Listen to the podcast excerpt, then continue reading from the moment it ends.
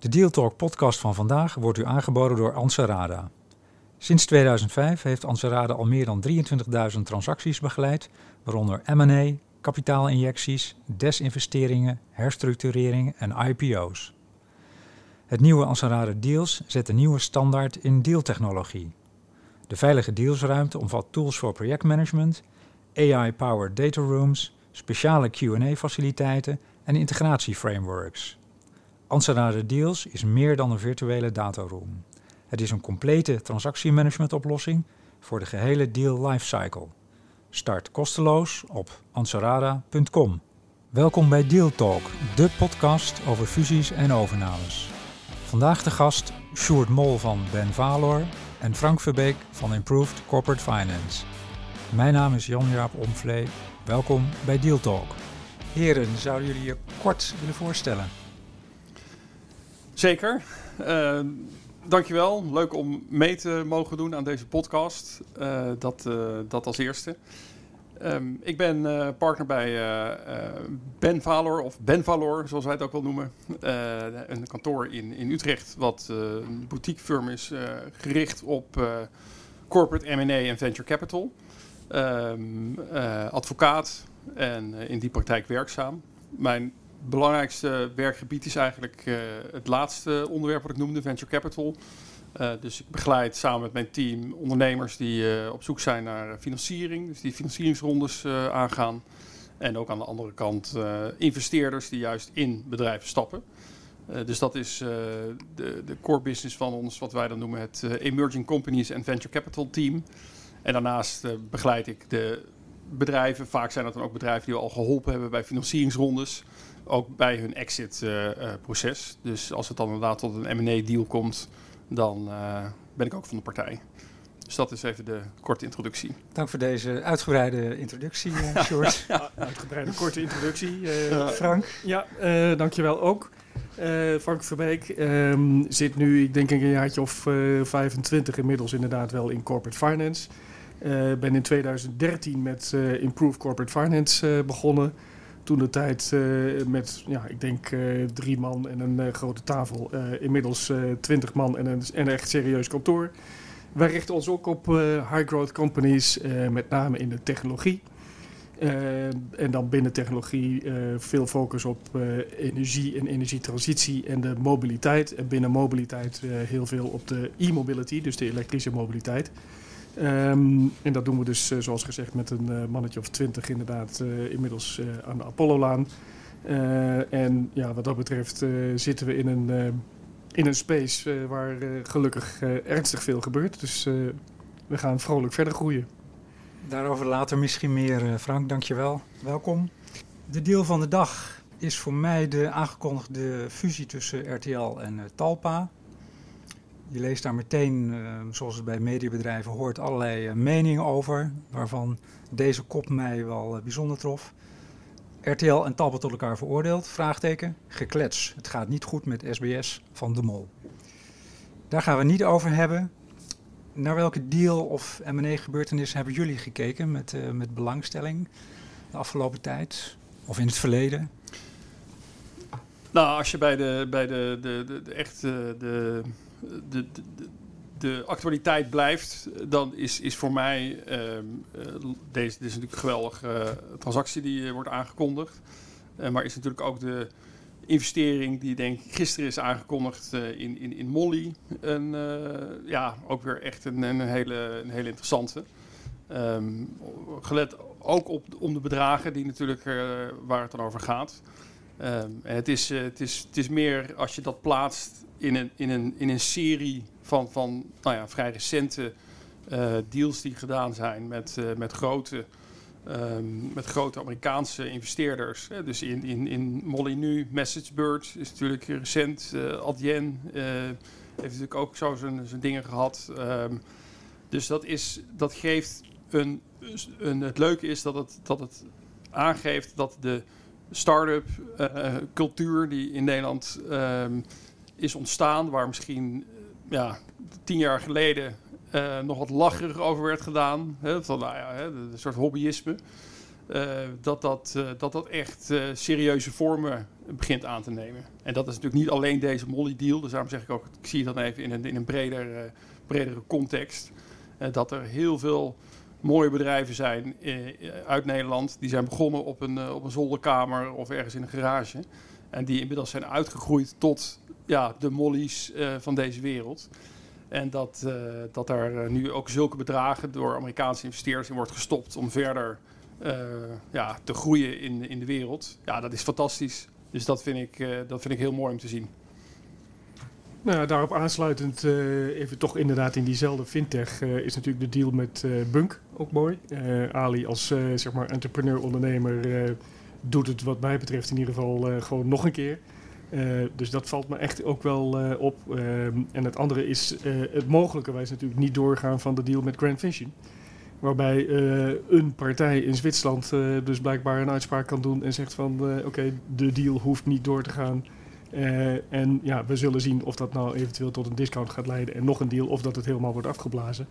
Um, en even inhakend inderdaad op de deal RTL en Talpa. Um, als je het persbericht goed leest, dan zie je ook wel dat ze echt uh, uitermate bevreesd moeten zijn voor uh, grote internationale uh, concurrenten.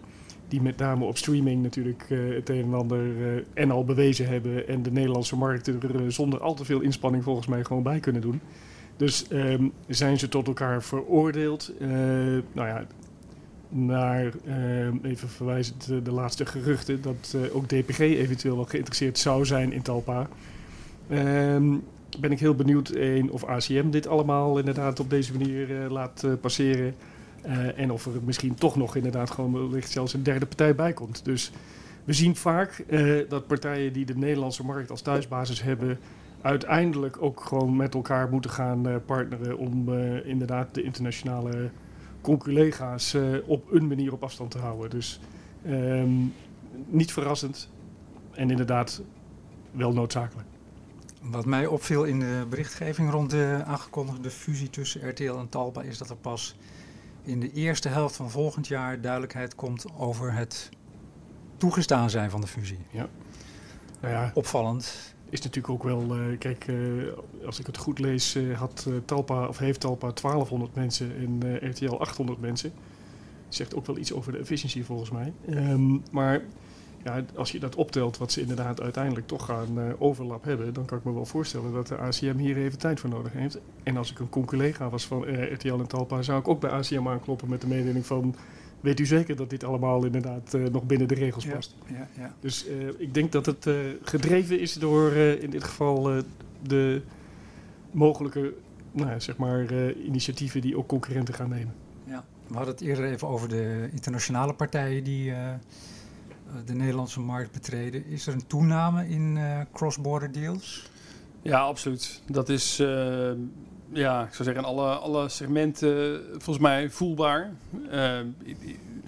Waar ik het zelf in mijn eigen praktijk veel zie, is, is het dus onder andere in, op het gebied van venture capital. dus je ziet echt Amerikaanse investeerders um, en ook andere buitenlandse investeerders, maar, maar voor groot deel uit Amerika die uh, niet, uh, niet bang zijn om in Nederland een deal te doen.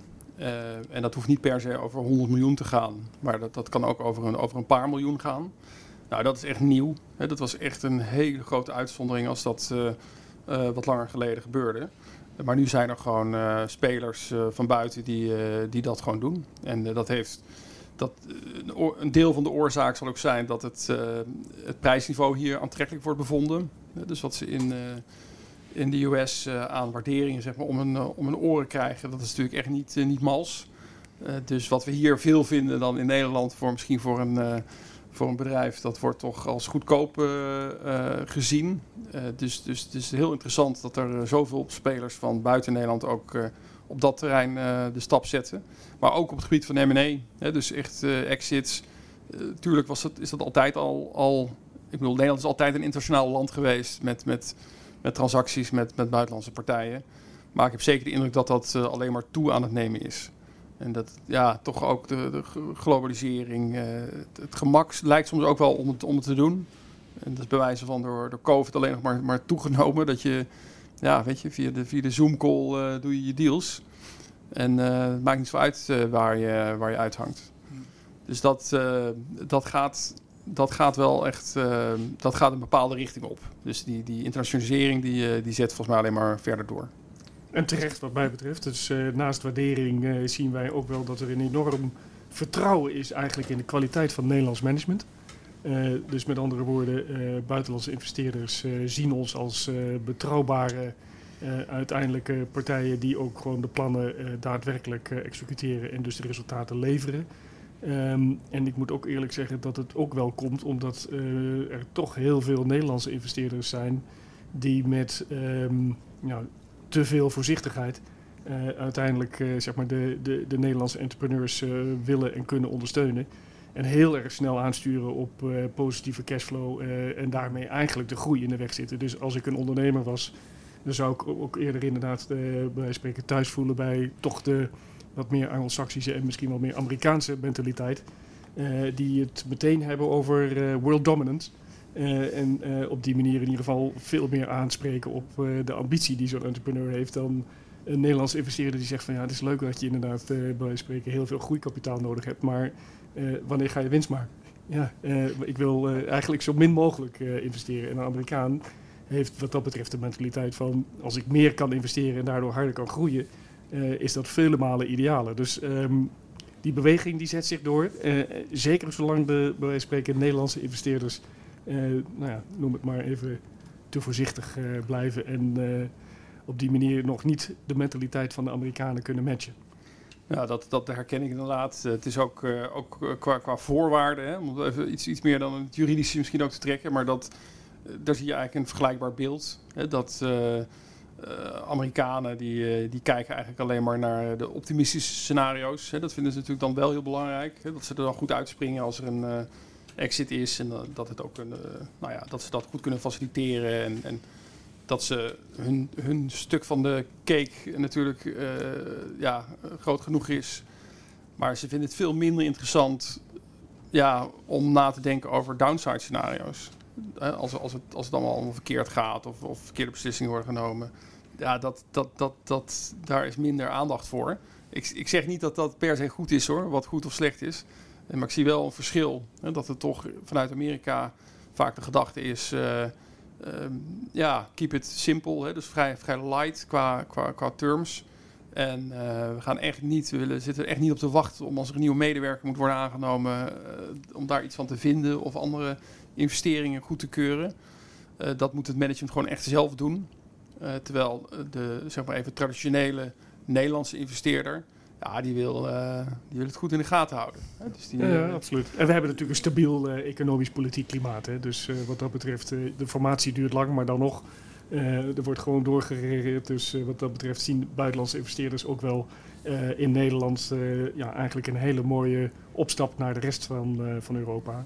En je hebt gelijk, de Nederlandse ondernemer moet wel over de grens kijken. Dus een Amerikaanse investeerder die op die manier bij wijze van spreken Nederland als testmarkt ziet uh, heeft ook wel gelijk, want als het hier lukt, dan is het niet per definitie nou, zeg maar onmogelijk om ook in de rest van Europa succesvol te zijn. Betekent die internationalisering ook dat de complexiteit van deals toeneemt? Nou ja, dat, dat, dat hoeft niet, zou ik, zou ik wel, wel durven te zeggen. Het, het is natuurlijk lastig om dat in zijn totaliteit te zeggen, hè, want er kunnen echt wel complexe deals zijn met internationale partijen.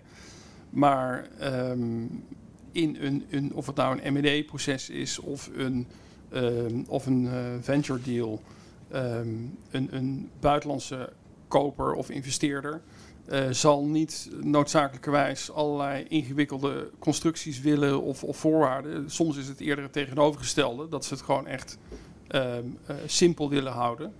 wat je wel ziet is dat er soms een en eh, vanuit, zeg maar even meer, ja, vanuit de, grote internationale ondernemingen um, proberen ze natuurlijk in hun due diligence, diligence, processen worden wel heel uitgebreid opgezet. Uh, ja, dat zou soms iets uitgebreider kunnen zijn dan een Nederlandse partij dat doet. Maar goed, zelfs dat durf ik ook niet helemaal uh, te zeggen.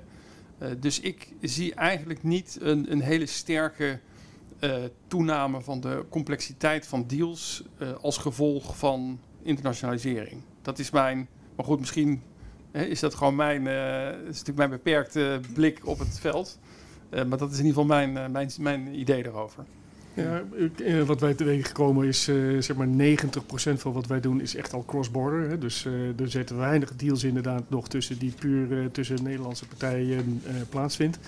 Um, wat soms complex is, is met name natuurlijk de onbekendheid met nou ja, de, de, Nederlandse eventuele regels. Um, en of het nou GDPR of milieu of nou ja, zeg maar, aspecten uh, die inderdaad aan de orde komen uh, en ook pas eventueel later aan de orde komen, uh, dat kan het eventueel wat complexer maken. Um, maar goed, daar hebben ze natuurlijk ook dan de Nederlandse kantoren voor. zowel inderdaad als transactie, dus zeg maar de, de, de, Big Four, of inderdaad natuurlijk ook de, de juridische adviseurs. Maar um, ik denk eerlijk gezegd dat door de ervaring die zowel Nederlandse ondernemers hebben als ook buitenlandse investeerders, dat de complexiteit eerder afneemt. Hmm. Eh, we raken steeds meer gewend aan het doen inderdaad van cross-border deals. Uh, en ik denk ook dat de adviseurs uh, zelf steeds beter snappen waar in het proces eventueel een bottleneck zou kunnen zitten. En dat dus ook van tevoren al kunnen, nou, slecht Nederlands, wegmanagen. om maar te zorgen inderdaad dat die complexiteit er ook niet gaat ontstaan. Dus um, wordt het complexer. Ja, er komen meer regels uh, en er komen meer aspecten waar je op moet letten. Maar er komt ook steeds meer ervaring. En geldt die uh, afnemende complexiteit ook voor specs, die je nu in uh, Amsterdam en Londen veel ziet? Of is dat. Mm, nee, want dat is eigenlijk het onbekende. met name natuurlijk aan de kant van de ondernemer, de onderneming. Um, degene die inderdaad ervaren zijn met het uiteindelijk naar de beurs brengen van de spec. die snappen uitermate goed natuurlijk waar het uh, uiteindelijk om gaat. Um, en ik denk dat veel Nederlandse ondernemers nog inderdaad even moeten wennen aan uh, ja, wat, wat is dat dan uh, precies. in Q1 dit jaar zijn er in Amerika, ik geloof, 285 nieuwe specs naar de beurs gebracht. Um, dat zegt niet dat in dit geval ook alle ondernemingen die eventueel benaderd worden al meteen in de gaten hebben van oké, ik heb de mogelijkheid om via een spec uiteindelijk inderdaad een transactie te doen, wat het dan allemaal inhoudt. Um, ik denk eerlijk gezegd dat uh, eh, 98% niet weet wat het inhoudt. Wij hebben gelukkig uh, nu mee mogen werken aan het uh, succesvol in dit geval introduceren van een Spaanse onderneming. en die gaat dus gelist worden in Amerika aan de New York Stock Exchange. Um, hebben we samen gedaan met Barclays in een hele nauwe samenwerking. Ja, en eh, dan, dan zie je wat erbij komt. Uh, en ik denk eerlijk gezegd dat als je van tevoren bedenkt van... oké, dit is er allemaal inderdaad uh, nodig om uiteindelijk een succesvolle D-spec te doen... dat een aantal ondernemers ook misschien wel achter hun oren krabben en denken van... Mm, misschien toch inderdaad handig om uh, bij spreken daar nog heel even vanaf te zien. Um, dus ja, de spec is inderdaad een prachtig mooi nieuw fenomeen. Zo nieuw is het overigens ook niet. Um, maar daar zit wel extra complexiteit in. En wat is het prachtige aan het fenomeen volgens jou? Nou, uh, het is een redelijk verkort proces om uiteindelijk inderdaad uh, als uh, bedrijf genoteerd te raken. Um, het is ook een behoorlijk competitief proces, hè, want uiteindelijk ga je als onderneming, in dit geval bij meerdere specs, toch polsen uh, hoe hoog hun uh, interesse is, hoeveel ze snappen van de markt, hoeveel ze bereid zijn inderdaad om door te investeren in verdere groei. Um, dus ja, eerlijk gezegd is het een heel mooi alternatief naast inderdaad zeg maar, de strategen en de private equity partijen. Um, met uiteraard weer hele andere voorwaarden en een hele andere uiteindelijke dealstructuur. Maar ik denk eerlijk gezegd dat voor de ondernemingen die er klaar voor zijn, dit een, een eigenlijk prachtig mooi nieuw instrument is waar ja, ik denk strategen in uh, private equity toch heel even moeten gaan bedenken wat ze hier inderdaad uh, tegenover gaan stellen. Ja, en dat is natuurlijk toch het leuke, dat het, dat het een soort extra, extra smaak biedt. Hè? Dus dat, dat, dat, is, uh, dat, dat schudt de boel ook weer een beetje op in die zin. Um, ik zie het overigens ook nog wel een iets bredere context, dat ook het, ja, de, het beursklimaat ook, ook op dit moment in ieder geval natuurlijk ook goed is. je ziet gewoon veel Ehm, het, zeg maar, het, het, het, gaan voor een listing, of dat nou via een spec is of, of gewoon uh, op een, uh, zeg maar de reguliere manier. Ja, dat komt weer meer uh, in zwang. Hè? Dus dat is, dat, is, dat is ook interessant. Hè? Dus dat zijn, dat, dat, het hoeft dus ook niet altijd op die manier. Maar dat, dat geeft wel weer, ik merk het ook in, bij, bij meer gewoon de financieringsdeals. dat je steeds meer al een heel vroeg stadium mensen over een listing afspraken willen maken. Of dat nou ook over een uh, spec, hè, dus dat specifiek ook, maar ook over een uh, reguliere listing. Ja, dat wordt uh, steeds meer als een, ja, als een, als een zeer reële exit gezien. Terwijl dat zeker in Nederland heel lang niet de meest voor de hand liggende exitroute is geweest. Je zou ook kunnen stellen dat de drempel om een listing aan te vragen hoog is. En dat mensen daardoor een, eh, een andere route kiezen. De nou, route van een spec. Ja, nee, daarom. Dus dat, dat is het, uh, wat Frank terecht beschreef, uh, het, het uh, interessante, het voordeel van een, van een spec. Um, dus dat, dat maakt het leuk dat, dat die mogelijkheden er, er zijn en, en dat ook, ook ruimte zou, zou kunnen bieden in zo'n exit fase. Maar laten we eerlijk zijn, er zijn nog heel veel bedrijven echt gewoon niet spec-ready. Hè? Dus uh, die hebben dan van het fenomeen gehoord en die denken van... Uh, oké, als dat de waardering in het algemeen is, ja, weet je, dan uh, doe ik graag mee.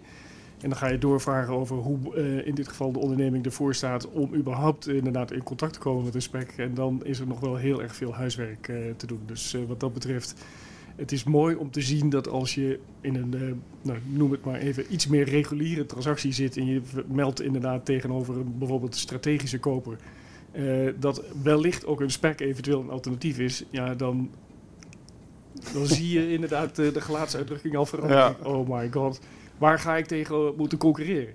Um, en dan helemaal natuurlijk gewoon de zeg maar, waarderingen die dan bekend zijn. Um, ja, daar, daar zien wij wel dat nogmaals, uh, private equity en de strategen uh, een antwoord moeten gaan vinden. Want uh, het fenomeen spec gaat niet meer weg. Hmm. Die, uh, daar hou ik je aan, Frank. Ja, mag. Wat zijn jullie verwachtingen rond de M&A-dynamiek in de tweede helft van het jaar? Ja, dat zal ehm, doorgaan zoals het de eerste helft is, is ingezet, is, is mijn verwachting. en, dat, en dat betekent dat het, dat het gewoon hard gaat. Hè? Dus dat er, dat er gewoon heel veel activiteit is. Je ziet, ziet, dat tijdens COVID er ook nauwelijks eigenlijk ehm, ehm, veel het, het, het, minder is geweest. Hè? Dus het is, het is gewoon, behalve dan misschien die allereerste periode, is het iets ingezakt, maar daarna gewoon weer vol, volop door.